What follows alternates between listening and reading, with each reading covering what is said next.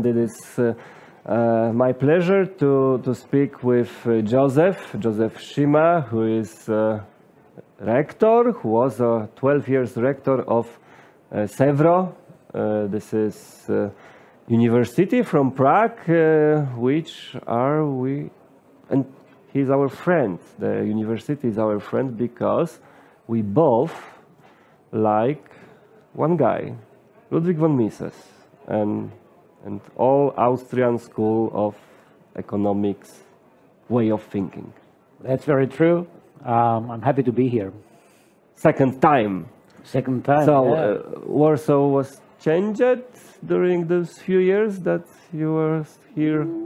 I don't see big changes, but I like it here. I'm, I'm happy to have time to spend a few hours walking through the city. So, um, it's very enjoyable trip. It is good information that you don't see these changes, but I can tell you about one changes. Uh, there is a list of uh, economic freedom in the world. We were at uh, 33rd place. Now we are in 80 something place. That's unfortunate, and it will have consequences. So, This- so why Czech don't change so bad like Poland? Well, I'm afraid the ranking for Czechs also did not improve recently. Uh, as as always, populistic politics is to blame.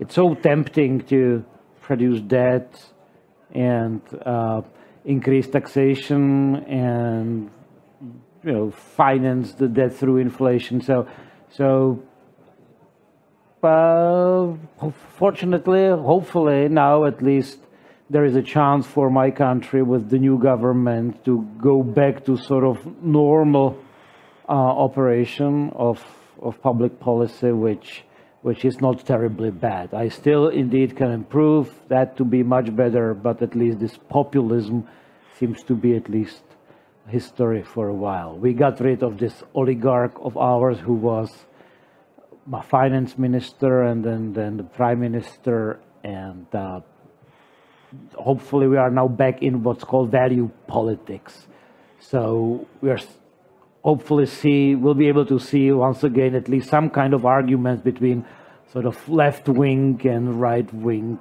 uh, political parties and we'll see what will come out of it yeah.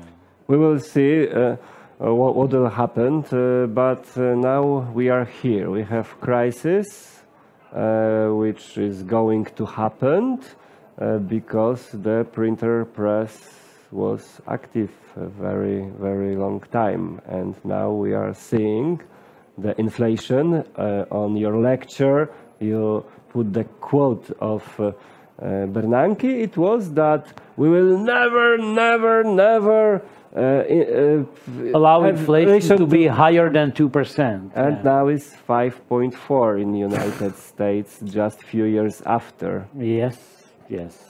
And that's indeed a great danger. Uh, it always takes time before inflation picks up speed, but once it does, then it's very difficult to slow it down or go back to some sort of normal Western style inflation rates. Uh, yeah, every indicator uh, in these days shows that inflation is picking up speed and we can expect higher rate of inflation uh, everywhere in the world pretty much yeah Okay, so I have two subjects to discuss with you about inflation. First is my private problem, maybe not private, but our university's problem, as and as your university problem, that inflation. We are in the business that we have income once per year because some students pay for all year, etc. So the October is the good time, a lot of money on the bank account. Those money we need to spend in December, January, February, and some of this money we will spend even in August, one year from from now. So inflation it will be 20%. So we have 1 million for August, but if we will wait, we will lose 20% of purchasing power. So how how to save those 20%? You have some idea? Well, in the past, in let's say the late 70s, in Western countries where inflation was double digit, then indeed uh, you would have inflation clauses in in, in all contracts. So simply, if somebody pays later, uh, he will pay more. Uh, people will get adjusted to, to these inflation clauses. Uh, so I guess that's what we we believe it's it's the past. It will never come back. But I guess it's time again to But renegotiate. I always uh, was thinking that, okay, please pay me for all year. So I want to have money fast and have on my bank account that I am sure that I Have it, can yeah. afford to, uh, to to do business because I don't know if you pay me later or, or not. Well, then we will have to increase the fees, and that's but we don't know how, how much inflation will, uh, would be in, in next year. That's exactly the problem of inflation. Nobody knows exactly. And that's why it's difficult for all businesses to navigate in such an environment because each of us has certain expectation about inflation that's reflected in the contracts but but you never know what the inflation will be. So some people then will be pleasantly surprised because they got it right or anticipated better. Other people will actually lose. And and th- this is what what uh, e- economists call well inf- inflationary tax. So we are all getting taxed by unpredictable inflation rates So you don't know how, big inflation will be. You're a professor. I, Oh. I am just, you know, some small entrepreneur from from small country. Yeah, and professors have crystal balls and they see the future exactly. Yeah. Uh, no, I believe it's it, it can be a really tragic situation uh, because you know world seems well world seems to be unpredictable even without inflation. So there is a lot of risks and uncertainties. But with inflation, well, all problems multiply. The unpredictability of the world is is even bigger. Uh, and it's costly. It, it will be costly for everybody. So we, rather than producing something useful, we will spend time thinking about how to adjust properly our, our contracts to prevent this sort of inflationary taxation. Exactly. And second subject is uh, the same problem, but in private life of uh, of people of of our uh, viewers. Uh, so how to save money from inflation in, in, in, in family because my way is to just uh, buy everything now. I, I, I had I have uh, lots of uh, paper sheets for printer. I think it is thousands of paper sheets for, for three or four years. I've bought a lot of uh, uh, razors, uh, hundreds of them for for a few years. When I, if I have my private money, I just spend and spend and spend and collect. Uh, Yeah, well, that, that's what what starts happening more and more as the inflation gets higher. So people try to get rid of money, paper, inflationary money as much as as quick as possible, and then get real stuff. Um, and it could be all these things we need in daily life. It's also that people prefer to have uh, gold and silver rather than paper money. Um, so yeah, you you you want to have things which do not depreciate, which do not lose their their value. Uh, and as money do, people don't want to hold money, and that's again sort of increases inflation in the future because people's trust less and less in the future of uh, like our economy. So people trust less and less in, in money. But uh, okay, we are uh, from Austrian school way of thinking, and, and we, we, we don't trust to the money. Uh, but uh, it is possible that that, simple person, average person, uh, will, will think that I need to just spend it because it, it lost, it will lose value. Well, people will see for themselves. If they don't buy now, well, then they will buy less in the future. So everybody is incentivized to buy quickly. Also, what people, I believe, should do is to people as employees, they should immediately approach their employers and try to renegotiate wages because this is uh, employees are exactly those people who, who, who lose from inflation.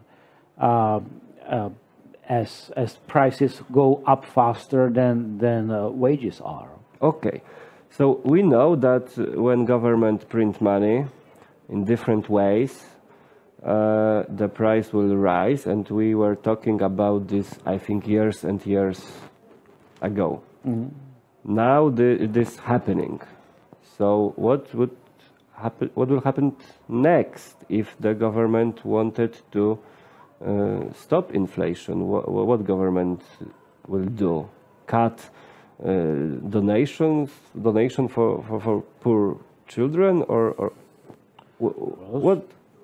There, there is this old story about Ludwig von Mises uh, being asked this question, and uh, then he invited the, the guy who asked it to uh, this one place in, in Vienna uh, near the center bank, and uh, then his response was, Now, see the noise? That's the printing presses. You want to stop inflation? Get rid of the noise. Stop the printing. And I guess, you know, this is a nice story which which uh, maybe simplifies a little bit, but not terribly much because inflation is about printing money. Uh, so it has to stop. Uh, okay, and it'll be difficult. It ha- governments have to have to stabilize their fiscal policies, eliminate debts, uh, decrease their spending, and that's costly but and politically de- problematic. Decrease spending means a lot of people lose their jobs and they can go to the street and the communist party will have more members and they will riots and then uh, they will see your hand and shoot in your head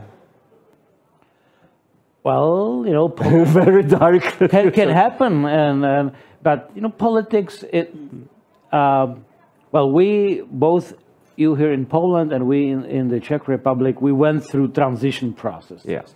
And at some point, you know, there were skillful politicians in, in power arguing that the transition will be costly, it has to be costly, but it has to be done because there is no other alternative.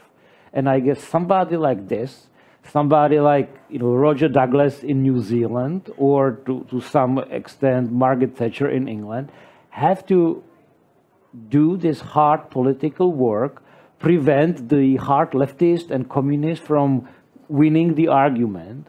And such a man or woman has to, has to explain that reforms will be painful, but we have to reduce redistribution, we have to slow down the printing presses, that it will take time. Some people will suffer, some people will lose jobs, but there is always this optimistic story that, that when you free up the economy, there will be new jobs and, and better jobs. And this way of thinking was introduced in Greece when the Greece went bankrupt, or maybe just Communist Party uh, take power? Because I, I don't remember. Well, yeah, well, so far in recent past, uh, we did not have uh, reformers who would uh, win the debate or even even suggested to move a little bit away from the printing presses and a little bit away from redistribution and sort of go back to the core value of free market society. Yeah, we didn't have it, which is a big, which is a great danger. But it, that that that has been such a battle of ideas that has been around for centuries. So it's always, you know, if we do, if we muddle in the middle somehow, somehow, then you know, free marketeers argue, well, this will not end up well. You have to deregulate, and uh, then when it happens, well, indeed, like communists once again said, we told you this bad capitalism produces inequality and bankruptcies and unemployment. Uh, but there has to be these free marketeers saying, no, well, we, we suffer today exactly because we didn't do the reforms properly. We, we needed to uh, push free markets even more before. We were not good enough in you know, leaving our socialist past, and now we have perhaps our second second chance. So it's ultimately a battle of ideas. What gets taught at schools, what people believe, because then politics is just a reflection of what people believe. Exactly, and this is very hard work, work that uh, both our institution need need to take this this uh, information battle, idea battle, and uh, uh, to to stop uh, the changes in the country, like is written on my shirt, that it's harder and harder to find neighbor that don't want your money. Mm-hmm. Yep, uh, but again, history is uh, full of battles of this sort, which actually ended up well. But there are indeed also uh, sometimes battles which free marketeers and, and, freedom lovers actually lost, and then they won, but after death, after the communists killed them. yeah, yeah, sometimes it comes only in afterlife. Yeah, exactly. Joseph, thank you for for for a nice interview, and uh, see you in next time at at Asbiro conference. It was a great pleasure. I'll be happy to to come again in the future. Thank you for having me. Thank you very much, and thank you. Jeśli chcesz przygotować swoją firmę na nowy ład i poznać najlepsze rozwiązania dla siebie, sprawdź pakiet nagrań z konferencji uczelni Asbiro, klikając w link w opisie tego filmu.